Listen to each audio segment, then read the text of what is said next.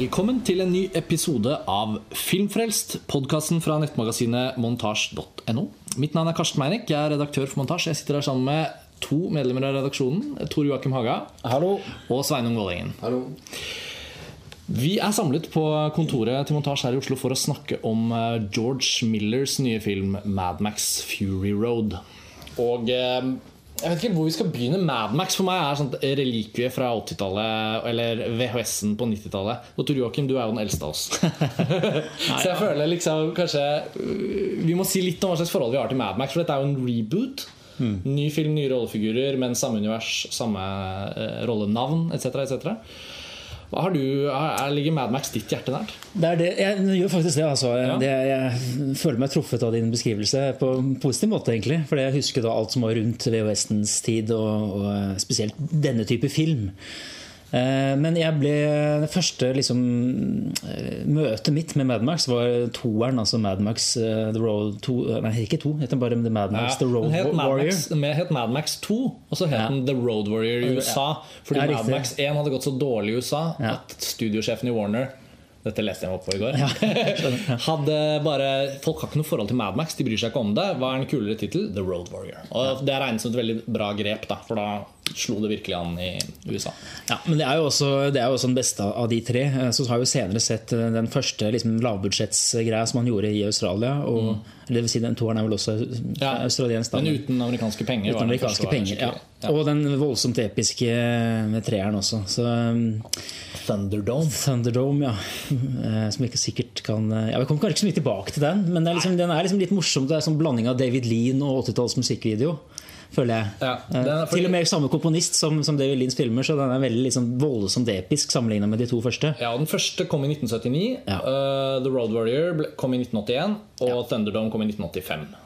Ja, det er vel noe Så det er liksom kjent. trilogien i hermetegn. Ja. Selv om filmene er ganske forskjellige. Ganske forskjellige og ble selvfølgelig gradvis dyrere, men eh, ikke nødvendigvis eh, bedre. Det er jo liksom toeren som står liksom eh, mellom det her independent-greia og den voldsomt episke overdrevne sant, Ja. eh, bruken av penger. Så, eh, så det er den, og den, det er altså, For meg er det VHS, det er Moviebox, det er eh, selv med min far, og det er kanskje eller på video hos kamerater. Det er alt dette her. Eh, Gjerne slitt eh, kopi, ikke sant. Så, så den har jo alt det knytta til seg. Ja. Mm. Jeg synes det også Jeg hadde Jeg så de to originalfilmene om igjen i går, fordi vi har sett denne nye i dag. Og eh, da slo det meg at eh, For det første så har alle Mad Max-filmene fra da jeg så de sånn på video hos noen som hadde voldsfilmer, i motsetning til min familie, som var sånn ikke, ikke noe video og ikke noe TV. sånn, I hvert fall da jeg var liten. Um, og sånne, sånne sånn skrekkbilder som blander seg sammen. Så jeg har jo også ikke helt klart å separere alle Mad Max-filmene ordentlig fra hverandre. Men i går så innså jeg at flesteparten av minnene mine kommer jo fra The Road Warrior. Det er liksom den jeg husker. Eh, og så er det Tina Turner på coveret til Thunderdome og litt sånn, sånn, en sånn festning med noe greier. Og ting blir bare drøyere og drøyere.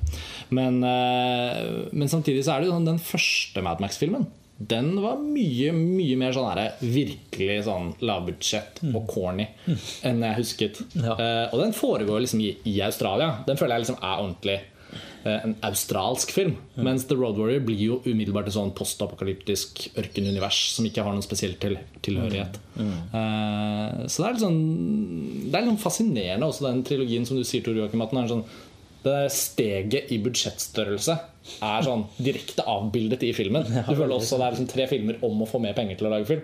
Og da kan man vel si at den fjerde her var enda et steg på den eh, stigen. Eh, på sett og meningen også at uh, Mel Gibson, som spilte de tre første, skulle spille i den Fury Road som kom nå, men uh, det var uh, at at det skulle være en sequel, på en måte. Ja. Eller i hvert fall at Mel Gibson skulle være med, da. Ja. Kanskje en supportive altså, en støtterolle, men det skjedde jo ikke av forskjellige årsaker. Så da ble det en reboot. Da ble det en reboot. Sveinung, Madmax, er det, er det bare ditt forhold til denne serien er det samme som oss, eller er du Ja, nå er jo jeg er Instar nå, da. Ja, Men, du er det. eh, det er så, altså, jeg ble jo bevisst på de filmene ganske fort når jeg begynte å bli interessert i film. Men Første gang jeg så de var vel på TV sånn på tidlig 2000-tallet, sånn, hvor jeg Ja. bare oppdaga at de gikk, og så tenkte jeg å, nå er det mulig å se dem, og så så jeg de da. Og så har jeg vel Jeg tror jeg har sett alle tre i hvert fall to ganger. Men det er den toeren som jeg altså har liksom plukka fram og, og sett igjen. Rett og slett fordi jeg har hatt lyst til å se den. da Det er, det er liksom det som har stått ut for meg òg. Um, nå har jeg egentlig bare gleda meg veldig til den filmen pga. traileren. Og at, ja, som, du, altså, som har vært inne på her, så Man liksom skjønte allerede fra de bildene i traileren at det her var det nå enda mer Altså produksjonen hadde gått opp enda takk eh, økonomisk sett. Og eh, det, det ble veldig synlig allerede i traileren. Og jeg, jeg gleder meg bare til å se eh, liksom, hvordan George Miller hadde valgt å nå etter så lang tid. da Vende tilbake til liksom en franchise. Men George Miller, han er jo veldig sånn han, jeg syns han har alltid vært en så underlig sånn regissør. Hvis man først begynner å tenke på han som en filmskaper og se på det han har laget, så er det noe sånn Det er noe så veldig merkelig og eklektisk over, over det han har liksom gjort. Men samtidig er det noe felles også. Han er jo litt sånn Absolutt, men altså fra mannen bak Mad Max og Babe Det er på en måte Heldiggrisen Babe. Det er liksom han har, eh, Jeg er litt fascinert av det. Han har jo liksom både det australske og amerikanske altså, Men selv disse, disse amerikanske produksjonene, sånn som Witches of Eastwick, for eksempel, som jeg er veldig glad i, med Jack Nicholson Det er også han. Det er også han, ja. som også er liksom full av liksom den fandenivoldske, burleske eh, humoren. Er i utgangspunktet ikke så glad i å blande liksom, humor og det seriøse i hverandre, men han klarer å finne en slags tone da, som jeg kjøper. En slags univers og en tone. Enten det er Witches of Eastwick eller, eller Babe eller, eller Mad Max. Rent visuelt så er han en sånn maksimalist, føler jeg. i hvert fall Ja, Jeg kan veldig, ikke huske å ha sett veldig. noe han har gjort som er liksom nedtonet. og- Bortsett fra kanskje den første og andre Mad Maxen, som har en sånn veldig sånn nedpå greie. Men du merker jo at det er en sånn vill filmskaper som Han er ikke Peter å Weir. bryte, lys, bryte løs. Nei, han er ikke Peter Weir, selv om de er fra Australia begge to. Men uh, det også, som du kom inn på, Sveinung, det er at han faktisk gjør denne franchisen igjen. 30 år pluss etter. Det er også en sjeldenhet, føler jeg. Bortsett fra kanskje at George Lucas gikk tilbake og lagde sine egne prequels, så er det jo et eller annet litt sånn rart over at, eh, at det, det har liksom ikke blitt tatt fra han heller. Mad Max kunne kanskje heller aldri blitt rebootet av en annen filmskaper uten å miste veldig mye. da For det kan man vel si om Fury Road hvis vi beveger oss inn på den nye filmen. At den, den føles jo veldig Mad Max. Altså Det er ingen tvil om både at George Miller står bak også denne filmen, men også at den liksom er i samme univers. Selv om den er laget 30 år Det var det som slo meg også, at det var så mange sånne grep eh, både på, på manussiden og på, på altså det håndverksmessige siden som med en gang kastet meg tilbake til eh, i hvert fall toeren, som jeg, som jeg altså da har mest minne fra. Um, men det er jo lenge siden jeg har sett toeren, i motsetning til deg, Karsten. Så, Det var så- fint å se den. De, de, altså Mad Max The Road Warrior, mm. den originale oppfølgeren og den beste filmen i originaltrilogien, har veldig mye til felles med denne her. Det, Ja, føles, det føles jo litt som at de har laget Mad Max Fury Road som et slags speil Ja. på The Road Warrior. Bare sagt sånn, Vi bare plukker opp tråden derfra. Til og med introduksjonen. da Nå er det, nei, dette er mulighet til å referere til utelukkende fordi jeg så den filmen i går. Ellers hadde jeg ikke husket det. Nei, ikke det. Men, men The Road Warrior åpner med en sånn prolog. Kort prolog som er sånn ja, The wasteland, Stemmer. the oil is gone du. Og så ser vi en slags sånn newsreel-versjon av den første filmen i svart-hvitt. Så det er liksom alle de uh, viktigste han, tingene som skjer i den første filmen. Da. Uh, Max som skal slutte i det Road Police. Og så han, kona og barnet Mm. som blir liksom utsatt for noe hevn fra en sånn motorsykkelbande. Og så ser vi at han blir myten Mad Max. da Mm. Sånn at toeren har mye mer sånn mytologisk ladning. Og det hjelper jo filmen veldig. Om den ikke skal foregå i vår verden, men liksom er ute over i det postapokalyptiske fiksjons-fantasy-universet nesten. Ja. uh, og etter at den lille prologen er ferdig, så liksom er det dum, ute i widescreen, og liksom nå er filmen i gang. Og uh, Fury Road, som vi nettopp har sett, har jo i hvert fall tilløpet til en lignende start. Med en sånn stemme som er så skjønnvis selvfølgelig at det er han. I selvfølgelig uh, Dolby Atmos, denne stemmen. Ja. det høres ut som den er liksom Jeg følte det var du jeg, som satt ved siden av meg som kom bort til øret mitt og bare Mad Max. Ja, ikke sant? Denne podkasten presenteres også i Dolby Atmos. Ja, ikke jeg ikke minst. dere har lagt merke til det? uh, Nå syns, ikke jeg nødvendigvis at det var alltid et bra uh, trekk. Dette med altså, det, Noe kan av og til bli for stort også, hvis du skjønner hva jeg mener. Eh, Absolutt. det, Eh, vi kan jo gå inn i filmen nå. Jeg, jeg, jeg, jeg, føler ikke at det er nødvendig å komme noen spoilere. Tror dere at vi kommer til å ha behov for å Vi kan legge inn et varsel hvis det blir en spoiler. Men uh, jeg tror dette, konseptet Det er sånn veldig konseptuell Ja, film. Så jeg tror uh... så, dere, det, så vi kan si at det er ikke noen fare her for spoiler. Nei. Lyden er kanskje det første som slo meg, i hvert fall. Det var voldsomt med lyd. Det kan selvfølgelig ha med å gjøre at i pressevisningssalen eh, Tankred i Oslo så, så er det ofte veldig veldig god lyd. Gode visningsforhold. Men her var det også veldig mye lyd. Og det kan ha vært Atmos, det kan jo også ha vært miksen. Og filmen er jævla bråkete. Ja. Når den er bråkete, så er den i hvert fall veldig bråkete. Men det er jo naturlig. Det er jo kjøretøyer, maskiner, og i tillegg ett kjøretøy som Drives den av han på elgitar foran der? Eller han, er, han bare en slags sånn der, skal være en sånn motivator. ja, en sånn, ja. sånt eh, kamphorn. Ja, så Richard Wagner, 'Apokalypse nå', ikke sant? Ja, Eh, ja, jeg Det var en veldig besynderlig greie, syns jeg. Men det var ikke min favoritting i filmen. Jo, jeg, var, Han på jeg, jeg, jeg syns det var eh, veldig kult. Da. ja. Men okay. Da refererer vi til altså et stort kjøretøy hvor det basically bare er en enorm sånn eh, rigg av høyttalere foran på kjøretøyet, og i midten så står det en dude på flammekastende elgitar. Og bak så sitter det fire svære pauker og spiller. Ja. Eh, Jeg synes det Og- og- og du likte det? Jeg likte det. Det er jo ikke sånn at man hører så veldig godt hva han spiller på den Nei. gitaren. Det er bare Correcto mundo. Det er voldsomt med lydunivers. en vegg. Ja. Det kan du si, og det er jo minus med Atmos. Altså, det hadde vært mye gøyere kanskje hvis man virkelig hadde fått eh, liksom bare skjøvet det litt forskjellige retninger, istedenfor å ha det på én gang. følte faktisk ikke at det var noe som ble utnyttet særlig godt. For jeg la ikke spesielt merke til det, men jeg la merke til en vegg av lyd når det først var lyd. Uh, og den hadde nok, uten å gå for mye på det, så tror jeg filmen kunne tjent ganske mye på å anvende kontraster i lydbruk til å skape stemning. Fordi med så mye mm, lyd så kunne den også skrudd ned litt og gjort ha noen sånn enkelt Bare sånn jævla gitaristen på det kjøretøyet. Hvis man plutselig bare, bare hørte han et kort øyeblikk, og så liksom Men det var veldig litt av det. Veldig litt av det, og Hvis du sammenligner med det som er naturlig igjen, da, Road Warrior, som også var frenetisk Den er også ganske, altså Det er jo 90% biljakt eh, i Ja. den også. Ja. Men jeg føler likevel at altså, I mitt minne da, så er, er rytmen der eh, sånn at man i hvert fall kan eh, fokusere mer på enkelte ting. Både i lydbildet og det visuelle. Fortellerrytmen. Um, ja, fortellerrytmen For og liksom den um, og, Hva heter den, liksom den kognitive eller den uh, følelsesmessige rytmen òg? Ja, altså den pulserende rytmen. Ja, som ja. også- Jo, men det er det jeg også tenker på. Jeg skulle bare dobbeltsjekke Fordi det føler jeg er en, et sånt område denne filmen her som tidvis får til ganske bra, og tidvis mister. da Sånn at det på en måte Ja, det er en sånn chase-sekvens-film. Hele filmen er basically det. Uh, der er jo det store likhetstrekket med The Road Warrior. At det liksom er en form for sånn der, eh, McGuffin. da Ja. Eh, liksom I The Road Warriors er det dette stedet hvor de har denne bensinen og mm. tankbilen. Og utrolig sånn lakoniske bilder på slutten når det renner sand ut av den tanken. Så er det bare sånn Åh. Ja, Så det var ikke noe. Eller faen, liksom. Og så stikker de Jo, så kjører de av gårde da Ja, med Tenker du på to, Road Warrior? ja, i The Road Warrior. Ja, Ja, ja, ja. Ja. Og i Fury Road så er det liksom li livet, da, på en måte. Eller disse Det er jo et premiss for filmen. da Disse kvinnene som er på en måte de fødende Mm. menneskene i en sånn koloni som drives av en diktator uh, med forferdelig maske. Og det er jo veldig sånn uttrykksfullt og flott. Da. Jeg synes jeg likte jo filmen på ganske mange områder. Men jeg syns også den var uh, hakkete på en sånn jeg tror det er det du skulle inn på, Tor Joakim. Og det synes jeg, er litt sånn, jeg vet ikke helt hvordan jeg skal få formulert tankene mine rundt Men jeg bare følte filmen Men hadde det har, ja, men det har jo litt, for Vi snakka om Atmos, at alt var liksom alt på en gang. Eh, og Det er også litt i rytmen av filmen for øvrig. Altså, det, var jo øyeblikk her med stillhet eh, hvor det var mye potensial til å eh, altså til å gli enklere inn og ut kanskje av disse, disse jaktsekvensene og sånne ting. Men, men jeg slet i hvert fall en del med disse rolige pausene underveis. Disse små punktumene liksom, i, i, i, i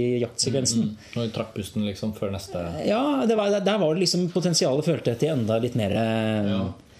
Men jeg, jeg savna også i actionsekvensen i at det var så mye av det. At, at det var litt mer virtuos virtuost. da. Eh, At, at det på en måte Det kan være ting som at når folk slåss, eller når eh, Altså i handlingsforløpet, så, Så kunne det bare vært koreografert på en annen måte. Klippet på en annen måte, Et eller annet som gjør at det blir mer musikalsk på et vis. da Jeg synes En, en sånn scene jeg husker med han gitaristen, er jo når han står uh, oppå bilen og slåss med Max. med Max. Og så, etter en stund, så uh, kommer denne gitaren tilbake til ham. Og han bare fortsetter, han bare fortsetter å spille igjen. Og så passer det så perfekt da med liksom det som da skjer etterpå. og sånn. Så tenkte jeg sånn Å ja, mer av det. Altså, Ja. liksom det var, man føler virkelig at det er sånn Ja, fordi man, man har koreografi- hendelser som er koreografert på en måte som Ja. gjør at det, det liksom står fram noen sånne deler av filmen som ikke bare er heseblesende action. Jeg er Enig, og jeg syns den hadde noen sånne sekvenser underveis.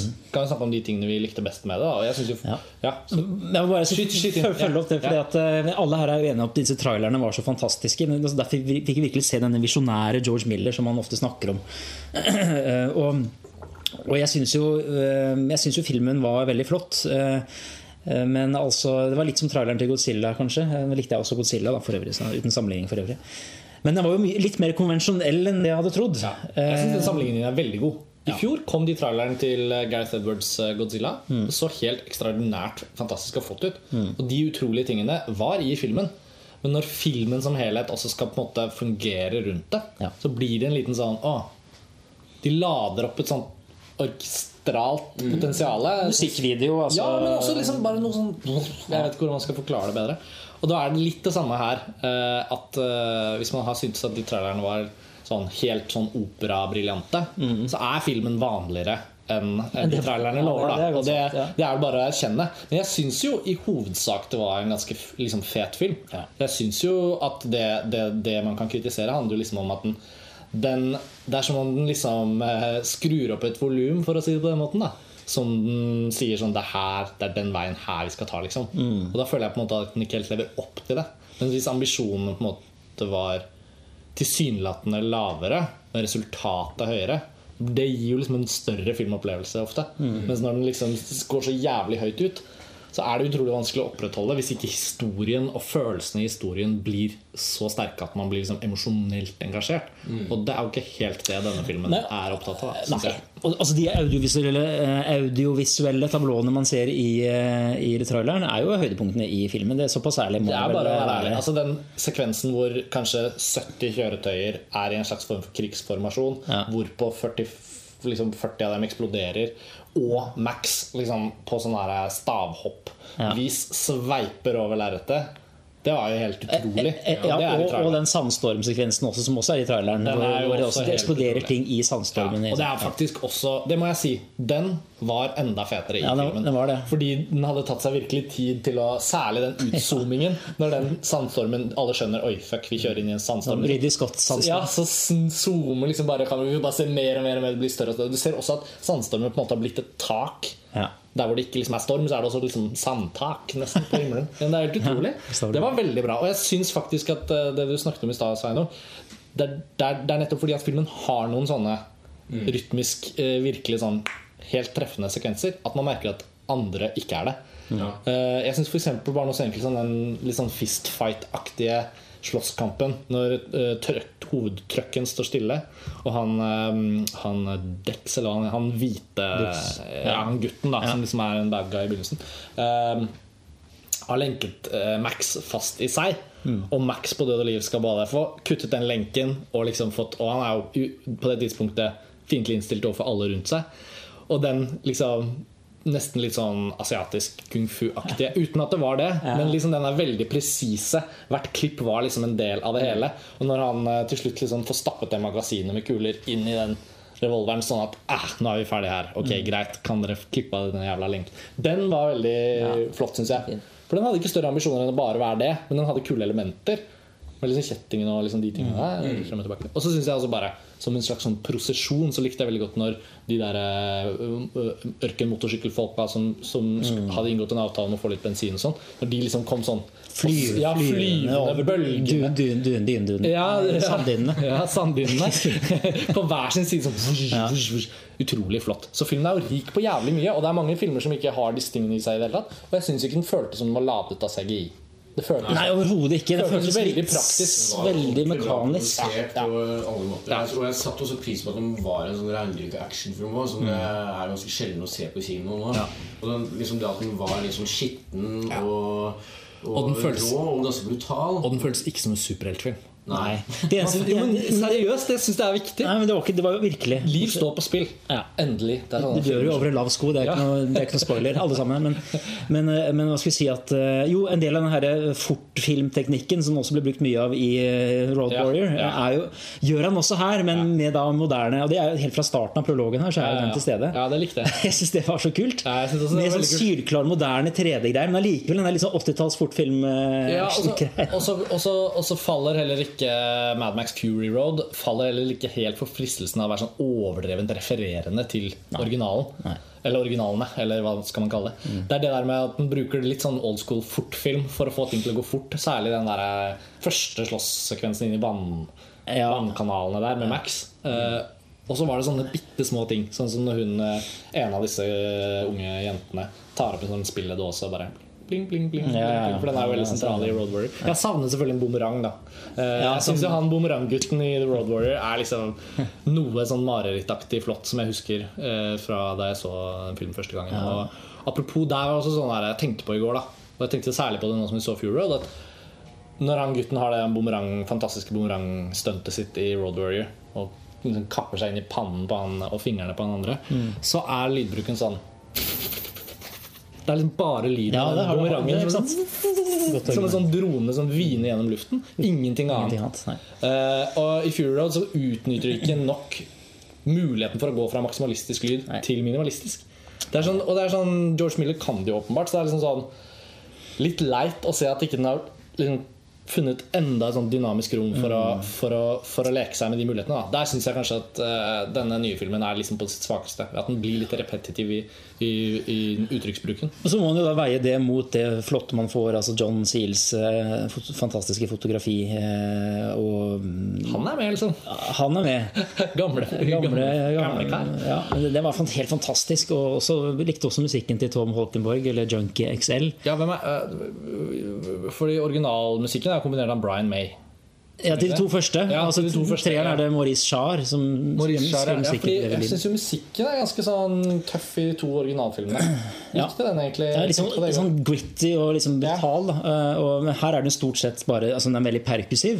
Ja. Store deler av filmen altså Junkie XL er jo kanskje mange som har hørt om denne DJ-en fra Nederland som hadde en stor hit med Elvis-remixen A Little Less Conversation 2004. Er det han, ja? Ok. Nei, det visste jeg ikke, men jeg er glad du fortalte det. Jo, men Han er liksom starta der, og så har han begynt med litt filmmusikk de siste par årene. da Eh, Hvilke andre filmer er det han har Nei, så, Hva er det han har gjort for noe? Prøver jeg å tenke.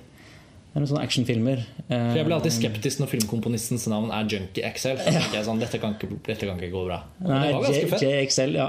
det var, jeg synes det var veldig fett, og også disse sekvensene hvor han faktisk får lov til å puste litt. Og, selv om det føltes litt sånn Litt kanskje stressende å få lov å være litt episk og, og, og storslått. Litt sånn Maurice Charr-aktig, faktisk. Mm. Spesielt mot slutten.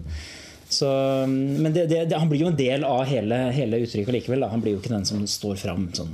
Liksom, apropos det, så er det interessant med de karakterene i filmen nå. Som, som Max selv, for eksempel. Han, han er jo ikke så det er jo ikke så mye fokus på han. Det er ganske, spesielt i starten av filmen så er det ganske langt før han på en måte utpeker seg som en sånn slags hovedrollefigur i det hele tatt. Tenkte nesten Og- at han ikke var hovedperson. Det, ja. Nei, ikke sant? Det er liksom bare Hadde han 20 replikker eller noe i løpet av hele filmen? Ja. Etter hvert så er det bare å Formelt, følge i den bilen med, med Charlize Theron og disse damene, som også var litt interessant element. Men det, Jeg humret litt. Det første bildet av dem. Ja, ja, ja, det det, må jeg si. Men uh, samtidig litt sånn for gøy òg, da. Ja. Fordi filmen er jo såpass uh, Den er jo på en måte tåpelig i sitt DNA. Eh, og det er derfor sånne filmer kan være gøy. Når de ikke tar ironisk distanse til seg selv. Det begynner er liksom primitiv. ja, Den er primitiv og tåpelig, men den går 100% inn for det. Mhm. Og det er da jeg syns at sånn som det, da jeg vet ikke om dere hørte, jeg tror jeg hadde et lite knis. Jo, jo, det det, bildet, ja, det bildet av de damene første gangen hvor det var sånn nei, nei, nei kødder dere nå, liksom? Det er sånn One Night at McCool's. Og, og med disse liksom helter i strømpebukseraktige eller hjerneunderbuksene som skal låses opp, bare ikke med ironi. Det var liksom så flott. Ja, sånn vaginatenner. Ja, det var jo Nei, nå må de gi seg, liksom. Men de ga seg ikke. Så alt det tåpelige er såpass gjennomført at jeg kan sette pris på det. Ja. Og også det blir en veldig sånn deilig sånn eh, eskapisme over denne filmen. Det må sies. Det er jo sånn, sier jo ingenting om vår tid, på en måte. Tvert imot så føler jeg egentlig at den er helt sånn virkelig helt ute.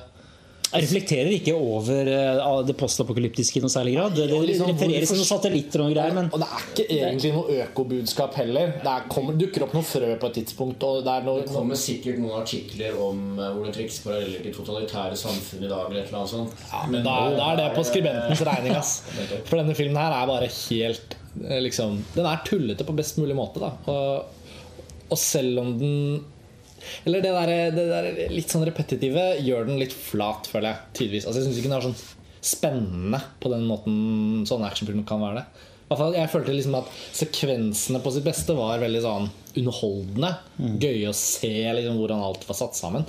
Men som en sånn underliggende sånn spenningsfølelse så følte jeg at den ikke helt Den klarte liksom ikke helt å Jeg vet ikke. Eh, Piske opp nok drama liksom, i spenningen. Nei, Jeg er helt enig, men, men, og det tenkte jeg på underveis. Men samtidig så kjeda jeg meg aldri. Og det er veldig sjelden at jeg ser en så to timer lang ja. to timer lang actionfilm som jeg, hvor jeg bare er med hele veien. Så jeg syns det var litt imponerende Ja. på et vis at jeg Altså At man hadde klart å lage en film som var så Egentlig ikke så spennende, men som likevel klarte å holde underholdningsnivået Ja. oppe på den måten. da. Den er på en måte medrivende uten å være spennende. Og den er også liksom engasjerende uten å egentlig være sånn Man legger jo ikke så mye følelser i, i det. Men jeg føler at det skjønner man fra minutt tre. Liksom, at ja, ok, så det er det vi er in for. Og det er jo det de sier i traileren nå. Det er jo ingen trailere som har liksom handlet om Charlize Theron og de jentene. Nei, altså- og, hva, og hva de har vært gjennom, og hva de skal. Og sånn. Nei, det, det får du se i filmen, hvis det er noe der. Det er, jo, det, er jo et tidspunkt, det er jo et tidspunkt i filmen hvor Charlize Therons rollefigur blir veldig lei seg pga. noe. Eh, og, um, og, og den scenen er jo konstruert så voldsomt episk og så voldsomt melodramatisk. Men man føler jo ingenting. Jeg, jeg gjør i hvert fall ikke det. Jeg føler jo overhodet ingenting. Jeg Men jeg, men jeg følte ikke at det var noe galt. det var ikke noe galt. Jeg følte ikke at Det egentlig- jeg ikke at det burde ha ført Nei, altså e- Egentlig så var det litt flott. Ja. For det var, så, det var sånn som jeg liker. Bare pøs på. Jo mer pompøst, jo mer Wagner. Ja, come on, kjør på! Men jeg følte jo ingenting. Ja, fordi jeg, jeg tror den scenen også kunne blitt løst med at vi hadde et nærbilde hvor hun, hvor hun satt liksom og malte sand mellom hendene. Og liksom hadde noe sånn introspektivt og sånn. Ja, noe sånn Terence Malick-aktig følelsesscene. Oh, det hadde slått så veldig feil ut i denne filmen. Derfor var det mye bedre sånn totalbilde hvor hun står i en silhuett og kaster seg ned på knærne. Ja, sånn mens og hyler mot gudene. Det er liksom mer sånn det er noe skriket som blander seg med all den andre lyden. ja, ja, ja. Jo, men det blir litt sånn da at, at filmen har etablert en tone som er så mye det vi snakker om, den veggen av lyd og scener og action. Altså at, at det er de små øyeblikkene som, som står, står, står, står i størst fare for å bli liksom falske noter. da men den blir løst bra fordi han beholder den der Han opprettholder en sånn overdrevent episk, Ja, selv om scenen egentlig er veldig Ja, Det var litt sånn som Thunderdome, faktisk den scenen der. Den fikk jeg minner til den. Eh, også Ja. med en scene hvor Mel Gibson der står ute i ørkenen, og det er med noen barn som han har, han har satt fri. og sånne ting Ja, ja. Litt sånn som Indiana Jones og Temple of Doom. og så med de her veldig, Maurice Charles eh, svevende eh, harmonikk. Ja, Så, så det, det var kanskje en slags- bevisst eh, referanse der. jeg vet ikke ja mulig. Nei, jeg synes, Men, eh, men det, jeg synes, det jeg liker med den, er jo at den er så relentless, som det heter på som, Hva heter det på norsk? Ja. Altså Den har en sånn veldig faen sånn drive, altså. Som jeg, som jeg ikke kan huske å ha sett i, i andre actionfilmer i samme grad de senere årene. Nei, for selv, om- for selv om Mad Max-universet er veldig spesifikt, liksom. Det er liksom Australia, det er ørken, det er biler, det er bens, mangel på bensin, det er olje, Mm. Det er rust og støv og rust og sånn. ja. Så blir jo denne filmen likevel en av de store blockbusterne som står side om side med andre. da Og nå har jeg sett alle de store blockbusterne denne våren. Furious 7 og Age of Ultron, Avengers 2 og Fury Road. Og den som på en måte er mest sånn renskåret actionfilm og får det til å funke og er liksom Det er jo uh, Fury Road. Den som er mest rørende og sterk emosjonelt, det er Furious 7.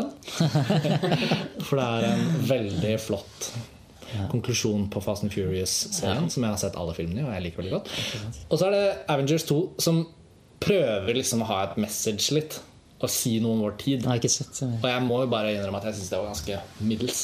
Ja, den var ikke så forferdelig dårlig, men den var ikke bra. Så den var sånn middels. Men det også har jeg hørt en del si. Altså, Ja. Jeg er også litt skeptisk. Som jeg sagt, synd at den er middels, liksom. Vi skal ikke komme inn på det men jeg synes i hvert fall blockbuster-messig så Ja. er det jo relevant å sammenligne det. Og der tenker jeg at Fury Road er liksom denne sesongens første sånn klokkerene produkt i den kategorien. Sånn. Jeg, jeg, du vet hva tror, du får. jeg tror også hvis du sammenligner det, men nå har ikke vi sett Det kommer snart Altså Tomorrowland og Jurassic World og Terminator Genesis. Mm. Den siste kanskje har litt sånn, men den ser også litt tåpelig ut. Så jeg føler at Fury Road er den som har potensial fall til å være årets eh, eh, Ja. blockbuster. Ja. Kanskje. Jeg, det er jeg, Ja. Ja, så, altså, Bortsett fra Star Wars, da, selvfølgelig. Ja, nei, men, ja, men det blir noe annet, for denne blir jo julefilm. Det blir liksom, det blir, for det er så lenge til. Det er kort til, men også lenge til. Eh, Når det kommer til liksom blockbuster-sommeren, så føler jeg vel at uh, den filmen med størst fallhøyde er jo garantert Jurassic World. Fordi den uh, for mange av oss betyr så mye, den serien. Hvor står du på Jurassic World, eh, Egentlig? Ikke sånn? Jeg gleder meg til filmen. Ja, jeg liker okay. egentlig bare den første filmen. Altså Ja. Ja. Den liker jeg jo skikkelig godt. Ja, og ja, og det-. Og vi kjenner jo ingen, vi, ja, men vi kjenner jo ingen i montasjen som har noe problem med første Jurassic Park. Den er jo en klassiker, så det er greit nok. Så treeren er bedre enn toeren. Ja, det er jeg enig med deg. Det er jeg ikke enig i. Og så, og så senere på sommeren så kommer jo Mission Impossible 17. Eller Prost- mange, nei, ikke- hvor mange de har rukket å lage Prost- Rogue Nation. Rogue Nation er det Ja. nå. Sånn at uh, jeg. Tenker Jeg, jeg syns egentlig alle Mission Impossible har vært bra, bortsett fra toeren, som jeg synes var bare sånn ok. Men den har jeg ikke egentlig hatt noe gjensyn med. Men, men den blockbuster-messig sett så må det jo sies at Fury Road leverer jævlig bra. Uh, jeg, tror, jeg tror ikke den kommer til å bli stående på slutten av året som en av de beste filmene jeg så i 2015. Det er jeg ganske sikker på at den ikke kommer til å gjøre. For jeg føler at den er litt for mye én til én. Eller da litt for lite mellom linjene, da. Og det, det prøver vi jo liksom ikke på. Nei, det er, det, det er filmens prosjekt, tenker jeg. Det er kanskje ikke det. Nei, det er ikke Eh, å, være, å være sånn så dynamisk eh, også sammenlignet med The Road Warrior, som, som var litt mer Men også den gangen så var jo ikke, var ikke denne prosjektet egentlig å være noen sånn veldig eh, fantastisk beskrivelse av noe postapokalyptisk eh, samfunn sånn rent tematisk. Det handlet jo om opplevelsen her òg, av en sånn evig jakt i et ørkenlandskap. En sånn Men jeg tror det high concept, da. Ja, men jeg tror det uttrykket da, og den ganske sånn høy, høysaturerte voldsbruken og sånn som er i The Road Warrior, jeg tror den sto mer ut som en sånn et originalt nytt uttrykk. Dette har vi liksom ikke helt sett før. Ja, det er- det er- så har jo den hatt enorm innflytelse på alt som er sånn grov postapokalyptisk mm. punk-look i film 30 år siden. Ja. Og dermed er det også litt sånn at Fury Road har jo mye, mye vanskeligere for å helt skille seg ut. da det er uunngåelig at den ligner liksom litt på blockbuster-uttrykket. Men der syns jeg en av de positive overraskende var at den faktisk holdt seg ganske sånn Den var så tro mot Mad. Max-feelingen at den blir stående og er litt sånn Ja, dette er ikke helt det samme som noe av det andre. Og så ble, så ble det ikke sånn superheltgreier. Du føler virkelig at folk slår seg og får vondt og, og, Ja, den, og, den var mye og mer fysisk. Ja. eh, På liksom Mekanisk. Fra, ja, også liksom fysisk med på altså, kostymer, sminke og alt sånt. Ja, ja. Så det var veldig mange gode ideer i filmen, og den virker veldig inspirert. Altså, selv om den er så ja, én til én, da, så, så virker altså, Jeg får liksom ordentlig følelse av at George Miller har bestemt seg for at nå har han ordentlig, lyst til å lage en ny Mad Max-film, og det har han gjort. Og den, det er ikke bare en sånn eh, ja, penge, et pengevalg, da, for å si det sånn. Det er faktisk et veldig godt poeng. Det er mange jeg synes det, er, altså, det kunne vært mer kreativitet i liksom actionsekvensen og sånn, kanskje. Men det er mye, mye detaljer som jeg liksom opplever som ganske friske da, i, i filmen. Jeg er veldig enig i det, faktisk. Det har jeg ikke engang tenkt på, men når du sier det Det føles utelukkende som at han har lyst til å fortsette å lage film i Mad Max-universet. Mer enn at det er noen som skal tjene så jævlig mye penger, eller, Ja. eller at de skal utnytte en franchise. Bla bla. Det blir jo selvfølgelig mulighet for å lage flere filmer. eh, Og hvis George Miller fortsetter, så er det jo Ja. Jo, jeg kunne godt like å få liksom mer. Jeg ville opp og sett hva var det George Miller gjorde før eh, det, altså, Happy Feet 2. det var Happy Feet, da, selvfølgelig. Det er det som er så utrolig med George Miller. Mad Max-filmene, Elvin Babe Ja.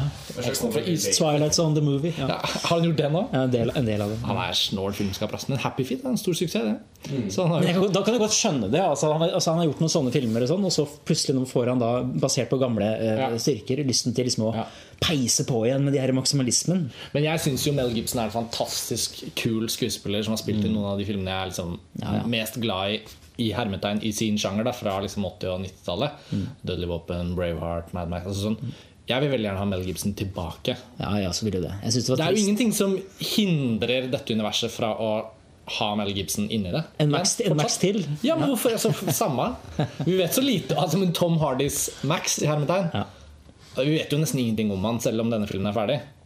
Og det er liksom flott. Og han, er bare, han bare dukker opp i en, i, midt i noe som foregår, og så blir han del av en biljakt. Og så, og så liksom, That's it. Så vet du at det er politimann og sånn, sånn jo, også Max, nettopp. men altså jo, men sånn ja, Jeg syns de skulle tatt seg frihet det. Kom, få med Mel Gibson, tenker jeg, i ja. neste. Tenker du som uavhengig av hva slags rolle, eller bare ja, nei, ja, ja, som Max, da. Som Max, så kanskje, ja, men kanskje de bare Øy, you're also Max!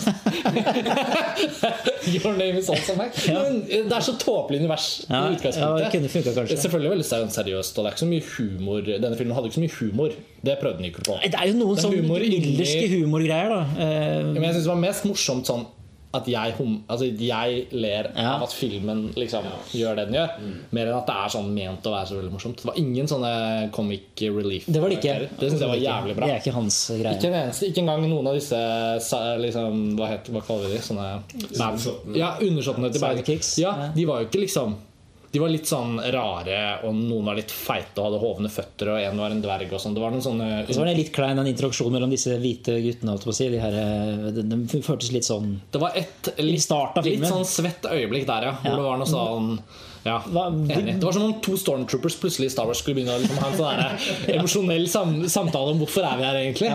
Det, er, det, det burde man ikke gjøre. Det hadde vært litt interessant. Jo, men det er det fanfilmene gjør. Det er der det kan være morsomt. At liksom Ja, du tror på John, John Bodegas rådfigur er litt sånn, kanskje? ja, jeg får håpe, se. får håpe Ja. da. Herregud. Altså, jeg, etter de to teaserne til uh, The Force Awakens Så Mm. jeg har aldri vært så klar for en Star Wars-film tror jeg noen gang. jeg. Så det skal den filmen Der er det også litt ørken, men det blir litt annen, annen estetikk enn en, eh, enn da. Nei, eh, så Mad Max Fury Road, hvis vi liksom skal oppsummere litt eh, Mest bra. Ja, det syns jeg. Ja. Ja, den er ikke så visjonær som uh, traileren skulle vitne om, men det var vi kanskje klare på forhånd. Ja, jeg men jeg syns det er en strålende film likevel. Og Altså. de heldigste er jo de som ikke ser trailere, og som ikke følger med så mye. Og som bare blir tatt med på kino, og som ser denne, og som kanskje er tolv. Da tenker jeg, jo, men da, liksom, Hvis det er liksom noe av det du Liksom Hvis det kan være en litt sånn dannende da for de som liksom ser noe for første gang kanskje får lyst til å lete opp Mad Max-filmene etter å ha sett denne her, så tenker jeg jo at det må jo fungere nesten enda mer enn den gjør for oss. For man blir jo litt sånn voksen og herdet, føler jeg. Jeg kjenner jo på det. Um, ja, det var kanskje det. Er det noe vi liksom ikke har fått snakket om? Uh, jeg føler jo liksom at filmen ikke tillater den absolutt dypeste analysen heller. For den er ikke ment for det. Nei, Da måtte det vært sånn snakke om stil i seg selv og, og forskjellige grep i forhold til farger, dybde altså Hvordan 3D-en opplevdes. Den føltes var stort sett naturlig. Hadde noen sånne ting som kom Ja. mot kamera. Jeg tenkte nesten ikke på det. Jeg tenkte nesten ikke på Og da tenker jeg at 3D er bra. Men da tenker jeg også at det er unødvendig. Så da tenker jeg at man kunne like gjerne ikke sett den i 3D. Og Ja. jeg leste i går at George Miller helst ikke Altså sånn, Han skulle innlede til en visning i Hollywood et eller annet sted, en premiere. så han sagt at han bedt om at den var i 2D. Ah, ja. Så han foretrekker visstnok da 2D. Men jeg tenker virkelig Det gjorde ingenting i dag. Jeg, jeg, når det er sånn innover 3D, Ja. som liksom ikke prøver å gjøre så mye ut av seg, så blir det jo bare Jeg liker det jo best i de sånn vanlige stillestående scener, jeg, da, med en actionfilm i. Akkurat som i liksom Adieu langage. ja, Nei, det var, ikke, det var ikke den jeg tenkte på. Um, nei, jeg tenkte faktisk på Tro det eller ei, jeg tenkte faktisk på en av de store sånn, postkonverterte. Da, for den er ikke skutt i 3D. Denne filmen her Ja, nei, Og så tenkte jeg faktisk på Jurassic Park 3D-versjonen.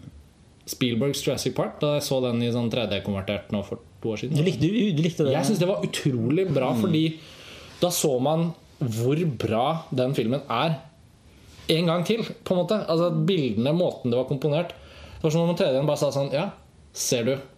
Ser du Ja. hvordan dette er gjort? Detaljer, det Jo, men det var sånn eh, det, Jeg hadde ikke trengt den visningen for å vite det jeg allerede har visst i alle år. At Jurassic Park er så bra som den er Men, men jeg ble veldig sånn positivt overrasket over at eh, på grunn av at bildene var komponert som de var, så endte nesten all 3D-bruken til å være sånn innover. Ja. Jeg tror jeg skjønner hva du mener. Jeg så ikke den 3D, men jeg så Titanic i 3D. Og Ja. lignende opplevelse. Ja. Jeg trengte jo selvfølgelig ikke å være i 3D, men det var Nei. kult. Det var liksom en ny, ny måte å se filmen på. Jeg syns det er ganske oppløftende. Derfor hadde jeg den samme følelsen her i Fury Road. At eksempel i den sandstormbildet, da. Så var jo da det store, herlige totalbildet hvor vi ser at de kjører inn i den sandstormen, som, som ligger litt. Kanskje ikke mer enn 20 sekunder, men det ligger i hvert fall litt. Sånn Der- Ridley Ja, og det, og det, det følte jeg også i Exodus. Da, den var jo også i 3D. Og Prometheus har samme scene. Også. Ja, ja, for det er liksom innover. Og da er det jo liksom også så umerkelig at man heller liksom ikke blir liksom plaget av 3D-en. Jeg synes jo Det som er så synd eh, med 3D og Norge, og sånn er jo at tekstingen blir en sånn den blir en aktiv del av, det, Ja, ja, det er godt Mm. 3D-bildet. Og det irriterer meg at hvis, jeg, hvis, jeg for eksempel, hvis det er litt sånn mumlende, og man tar seg og ser ned på teksten, Så mister man den konsentrerte fokusen som kanskje skal være langt inne i bildet.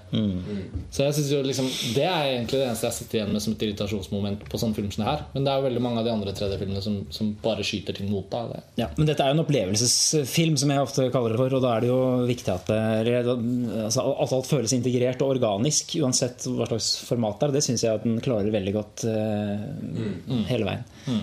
Ja. Bare at den er litt massiv, altså. Men det er jo da Ja. en Jeg tror kanskje jeg kommer til å se den igjen. Jeg eller Liksom, hvis anledningen byr seg. Det er litt, sånn, det er litt en ride òg. Jeg har lyst til å se den på ikke, altså ikke i 3D. Ja, og jeg samme. jeg kan justere volumet selv og være, være litt mer sånn. Så, Så på Blu-ray da er det. Blu-ray kanskje. Ok, nei, men det var, det var eh, Filmfrelst om Mad Max Fury Road. Eh, dette er da en film som har sin liksom, egentlige premiere i Cannes. Så når denne podkasten publiseres, da er vi, eh, i hvert fall Sveinung og jeg og Lars Ole Ikke deg, Tor Joakim. Ja, du er i Lisboa, og vi andre er i Cannes. Eh, Så den vil jo liksom få sin premiere i Cannes, men da har den også kinopremiere i Norge samtidig. Så vi har liksom regn, regner ikke dette helt som en sånn festivalfilm. Men det er i hvert fall den siste ordinære filmfrelsen før årets Cannes-festival begynner. Og da blir det flere festivalepisoder fra Croisetten. Og det blir da som vanlig med diverse variasjoner av kafé- og restaurantstøy og eller køstøy. Atmos, og, og eller overdrevent emosjonelle reaksjoner. Eh, Kan Atmos eh, skal den mikses i. Eh, takk for at dere hører på Filmfrelst. Eh, som alltid, send oss eh, mail eller kom i kommentarfeltet med tanker og meninger hvis dere har noe å dele. Vi setter pris på at dere hører på podkasten vår. Ha det bra! Ha det. Ha det. Ha det.